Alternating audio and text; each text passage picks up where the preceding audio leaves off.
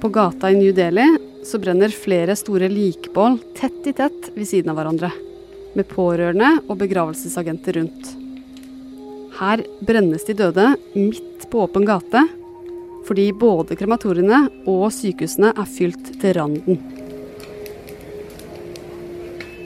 Koronasmitten i India den er nå helt ute av kontroll.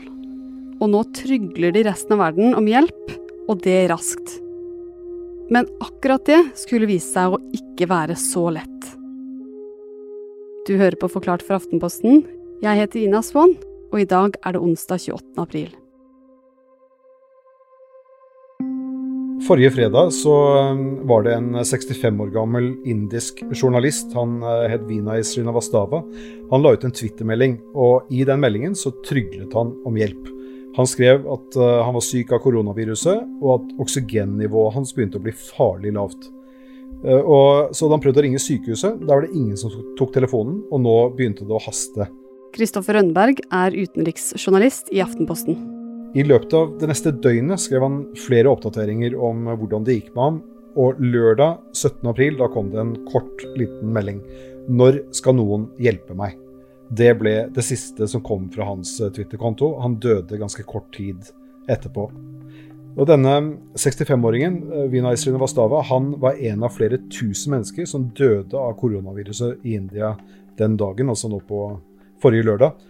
Og Den siste uken så har smittekurven vært en nesten loddrett strek. Nå blir det registrert over 350 000 nye tilfeller i India hver eneste dag. Og For å sette det i perspektiv, så er det halvparten av alle nye tilfeller i verden. Og sannsynligvis er det enda flere som er smittet og som er døde, fordi mørketallene i India de er veldig store. Ja, Hvor alvorlig er det som skjer i India nå?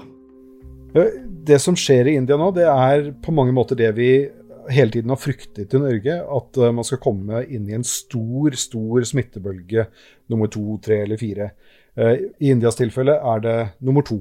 Og den er veldig, veldig mye verre enn den første de hadde. Helsevesenet er i ferd med å kollapse. Det er mange som dør av oksygenmangel før de får skikkelig behandling. Krematoriene brenner lik raskere enn noen klarer å telle dem. Og i ett tilfelle så skal metallet inni en av disse uh, ovnene i et krematorium ha smeltet pga. varmen, fordi det har vært i, i drift i, kontinuerlig hele døgnet. Det er prekær mangel over hele India på medisinsk utstyr, og Hele landet er rett og slett i ferd med å bli lammet av denne krisen.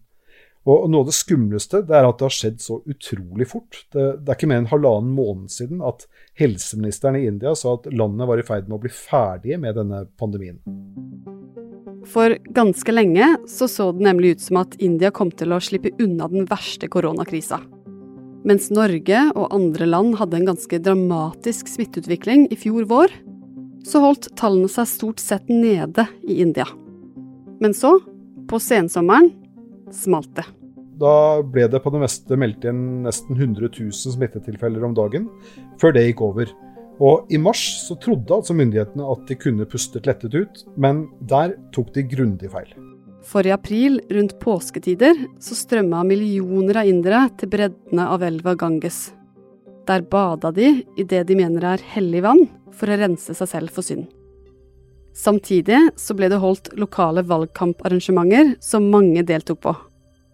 Og store samlinger som det her, det bidro til å sende India rett inn i en ny krise country struggling to breathe. India registers a record-breaking number of new coronavirus cases for a fifth day in a row. Ikke på noen dag under hele pandemien har det i noe land i verden blitt meldt om så mange smittede som i India det siste døgnet. Det er registrert over 300 Det har kommet veldig mange sterke bilder fra, fra India nå i det siste. Noen av de sterkeste er kanskje de som viser disse åpne kremasjonsområdene, der likene brennes på bål uh, i friluft på, på, tradisjonelt vis. Hvis man ser på disse bildene som er tatt fra luften, så ser man det er liksom små sletter, gjerne midt i byen, der flammene lyser tett i tett. Og røyken fra alle disse bålene legger seg som et teppe over byen. Og døden blir på den måten veldig, veldig synlig i mange indiske byer. Og andre bilder som i hvert fall har gjort inntrykk på, på, meg, viser folk som sitter på bakken eller på mopedene sine, på riksjåene sine, med ansiktsmasker koblet, koblet til eh, oksygentanker. Og de sitter utendørs på gata fordi det ikke er plass til dem på sykehuset. Samtidig så vet vi at de som har på seg disse maskene, er blant de heldige. Fordi det er så stor mangel på sånne oksygentanker. Det er tusenvis av mennesker som dør i hjemmene sine rett og slett fordi de ikke lenger får puste.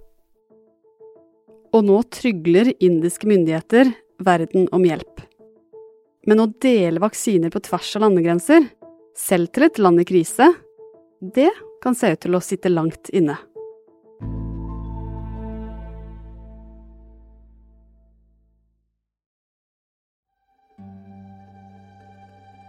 Vi er jo blitt vant til at eh, koronaviruset rammer samfunnet i bølger. Og disse bølgene kan variere i styrke og omfang. Men denne andre bølgen som vi ser i India nå, den er så stor og så plutselig, og det det, er det som har gjort så sterkt inntrykk. Det, det, er mange som lurer på hvordan dette landet kunne gå fra nesten å ha kontroll, til at de nå er i en full krise, der folk rett og slett dør fordi det ikke finnes nok, nok oksygen. Det høres jo helt ekstremt ut Kristoffer, at folk dør på gata mens de venter på oksygen. Hvordan endte India opp her? En av grunnene til at det gikk så ille med India, er at det er kommet nye og mer smittsomme mutasjoner av viruset som har fått spre seg nå de siste månedene. Den britiske mutasjonen, som vi kjenner også fra Norge, er en av dem. Og I tillegg så har det dukket opp en ny variant i India som ser ut til å være enda mer smittsom. En annen grunn til at smitten har spredt seg, har vært at folk ikke har vært flinke nok til å holde god avstand til hverandre. Eh, det er vanskelig å holde meteren på steder hvor man bor veldig tett. Og så er dette også et land der mange må gå til markedet eller til butikken for å handle. Klikk og hent er rett og slett ikke mulig for den jevne inder. Så alt dette her, kombinert med mye dårlig infrastruktur og et helsevesen som ikke fungerer som det skal, det er noe av det som har gjort at denne krisen har blitt så stor som den har blitt. Og akkurat som her i Norge, så vil vaksinering være en stor del av løsningen. Men det å vaksinere alle i India, det tar tid. Ikke bare fordi det er over én milliard mennesker. Nå peker flere også på denne fyren. Good afternoon, everyone. Yesterday, we crossed 150 million shots in 75 days, the first 75 days of my administration. Et av valgkampløftene Joe Biden kom med, var at han skulle vaksinere 100 millioner amerikanere på sine første 100 dager som president. Og det var altså noe han gjentok idet han, uh, han flyttet inn i Det hvite hus. Så oppjusterte han det ganske raskt til 200 millioner doser i løpet av de første 100 dagene. Og nå, på fredag, så har han faktisk vært president i 100 dager, og det er veldig tydelig allerede at det målet, det løftet han ga, det er nådd allerede. Uh, nå i helgen så var det satt over 220 millioner doser av koronavaksine i USA. Og over halvparten av den voksne befolkningen er nå vaksinert. Men det betyr jo selvfølgelig, når de prioriterer på den måten, at det blir færre vaksinedoser til andre som trenger det. Fordi for at så mange amerikanere skulle rekke å bli vaksinert på så kort tid, måtte Biden og myndighetene sørge for at de dyrebare vaksinedosene forble i USA. En ting eh, USA har gjort, har vært å hente fram en gammel eksportlov fra 50-tallet som gjør det vanskeligere å sende ut utstyr som kan brukes til å produsere vaksiner i andre land. Og I India for eksempel, så har man verdens største vaksineprodusent. De produserer ikke like mange vaksiner som de har muligheten til. og En av grunnene til det er at de mangler utstyr. Det utstyret kan de få fra USA, men USA har valgt pga. denne eksportloven å holde tilbake på det utstyret fordi de kan få bruk for det selv. En annen ting er dette med patentrettigheter. At uh, det er jo lettere å produsere vaksiner hvis man ikke behøver å bekymre seg for patentene, altså på, på rettighetene til, uh, til, hvordan det er laget. Og der har uh, India og Sør-Afrika gått sammen om et initiativ i Verdens handelsorganisasjon, hvor de har bedt om et midlertidig opphold i de strenge reglene som gjelder for patenter, sånn at det blir lettere å produsere vaksiner i utviklingsland, som f.eks. i India. Og mens man da i India, både fra mm, vaksineprodusenter og myndigheter, fortvilet ber om at Biden skal lette på alle disse restriksjonene og ikke bare fokusere på amerikanerne, så har man på amerikansk side gjort det veldig tydelig at de mener at det er bra for alle om amerikanerne vaksineres først. Uh, but there's also a broader point here that I made yesterday that um, it's, of course, not only in our interest uh, to see Americans vaccinated, it's in the interest of the rest of the world uh, to see Americans uh, vaccinated.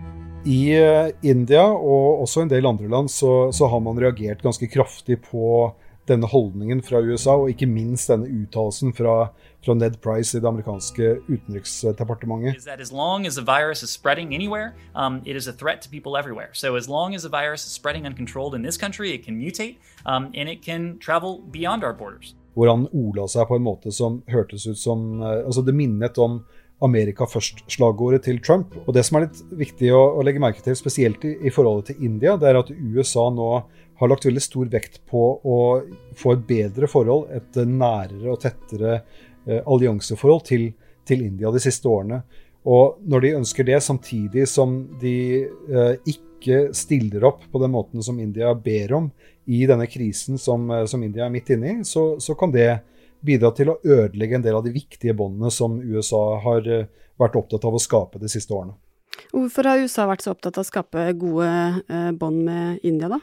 India er jo eh, verdens mest folkerike land og er et land i, i, i, stor økonomisk vekst og blir en viktigere og viktigere aktør i, i, Asia. Og Samtidig så er jo det viktigste forholdet for USA i verden akkurat nå, det er forholdet mellom USA og Kina. Og for å bidra til at USA skal fortsette å ha en maktposisjon i Asia, så trenger de gode allierte som kan bidra til å holde Kina litt på avstand. Og der spiller India en nøkkelrolle. Det har amerikanske myndigheter vært veldig tydelige på i en god del år nå. At uh, India er uh, med på den amerikanske strategien for å demme opp om Kinas økende innflytelse i, i verden. Og den økende innflytelsen Kina har, den kan bli enda større. For mens USA har tviholdt på vaksineutstyr og vaksinedoser, så har Kina gjort det stikk motsatte. Ja, altså Der amerikanerne er tydelige på at de vil vaksinere sin egen befolkning før de gir eh, hjelp til andre, så har kinesiske myndigheter valgt å sende ut masse, masse vaksiner til andre land lenge før de har fullvaksinert sin egen befolkning. Så mens det er mange i Kina som venter på sine vaksiner, så sendes det kinesiske vaksiner ut til, eh, til andre land, spesielt i utviklingsland rundt om i verden. Hm. Men hva oppnår eh, Kina med det, da? På en måte så er jo dette her bistand. Eh, Kina hjelper andre land når de trenger det. Men så går det jo selvfølgelig mye politikk i dette her. Kina vet at eh, ved å hjelpe, først med, med, smittevernutstyr, som de gjorde i fjor, og nå med vaksiner, så styrker de sine bånd til andre land, spesielt i, i utviklingsland. I mellomtiden kjemper India fortsatt for vaksinedoser og oksygen. I India så jobber myndighetene nå først og fremst med å få utstyr ut til de stedene hvor behovet er størst. Og det gjelder spesielt disse oksygentankene som, eh, som de må få ut til sykehus uh, i, i, byer og provinser hvor det er mange syke, uh, sånn at folk rett og slett får hjelp til å puste. Og I tillegg til dette så, så har de bedt om å få hjelp fra andre land fordi de har hatt mangel på utstyr. Eh, eh, F.eks. sånne oksygengeneratorer som kan eh, lage oksygen ut av, ut av, luften. Som de har bedt om å få fra andre land og få fraktet til, til India. Og hvordan ser det ut nå da, Kristoffer? Får India noe hjelp? Nå som alle alarmklokkene har gått i India den siste uken, så har dette ropet om hjelp blitt hørt i mange andre land. Eh, hjelp fra Storbritannia har allerede kommet til India, og i tillegg så er det flere andre land, bl.a. Tyskland, Frankrike, EU eh, e har lovet eh, at de skal bidra med medisinsk utstyr, f.eks. sånne oksygengeneratorer som man trenger for å, for å, få hjelp til at folk skal få puste. Og nå ønsker også Norge å bidra, og har bl.a. vært i samtaler med indiske myndigheter om hvordan de kan hjelpe. I tillegg så kan det se ut som at kritikken mot USA har hatt en effekt. De siste par dagene så har amerikanske myndigheter med Joe Biden i spissen lovet å sende medisinsk utstyr til India. Og han har også sagt at de skal gjøre noe med denne eksportloven og disse restriksjonene som gjør det vanskelig å produsere vaksiner i India, sånn at de nå kan få ut flere vaksiner til den indiske befolkningen og dermed bidra til å gjøre denne krisen litt mindre. Så det er en mobilisering nå fra det internasjonale samfunnet for å hjelpe India nå som denne krisen er så prekær. Og så får vi se da om det er nok til å få gjort noe med denne helt enorme krisen som skjer i India nå, hvor smittekurven peker i en pil rett oppover.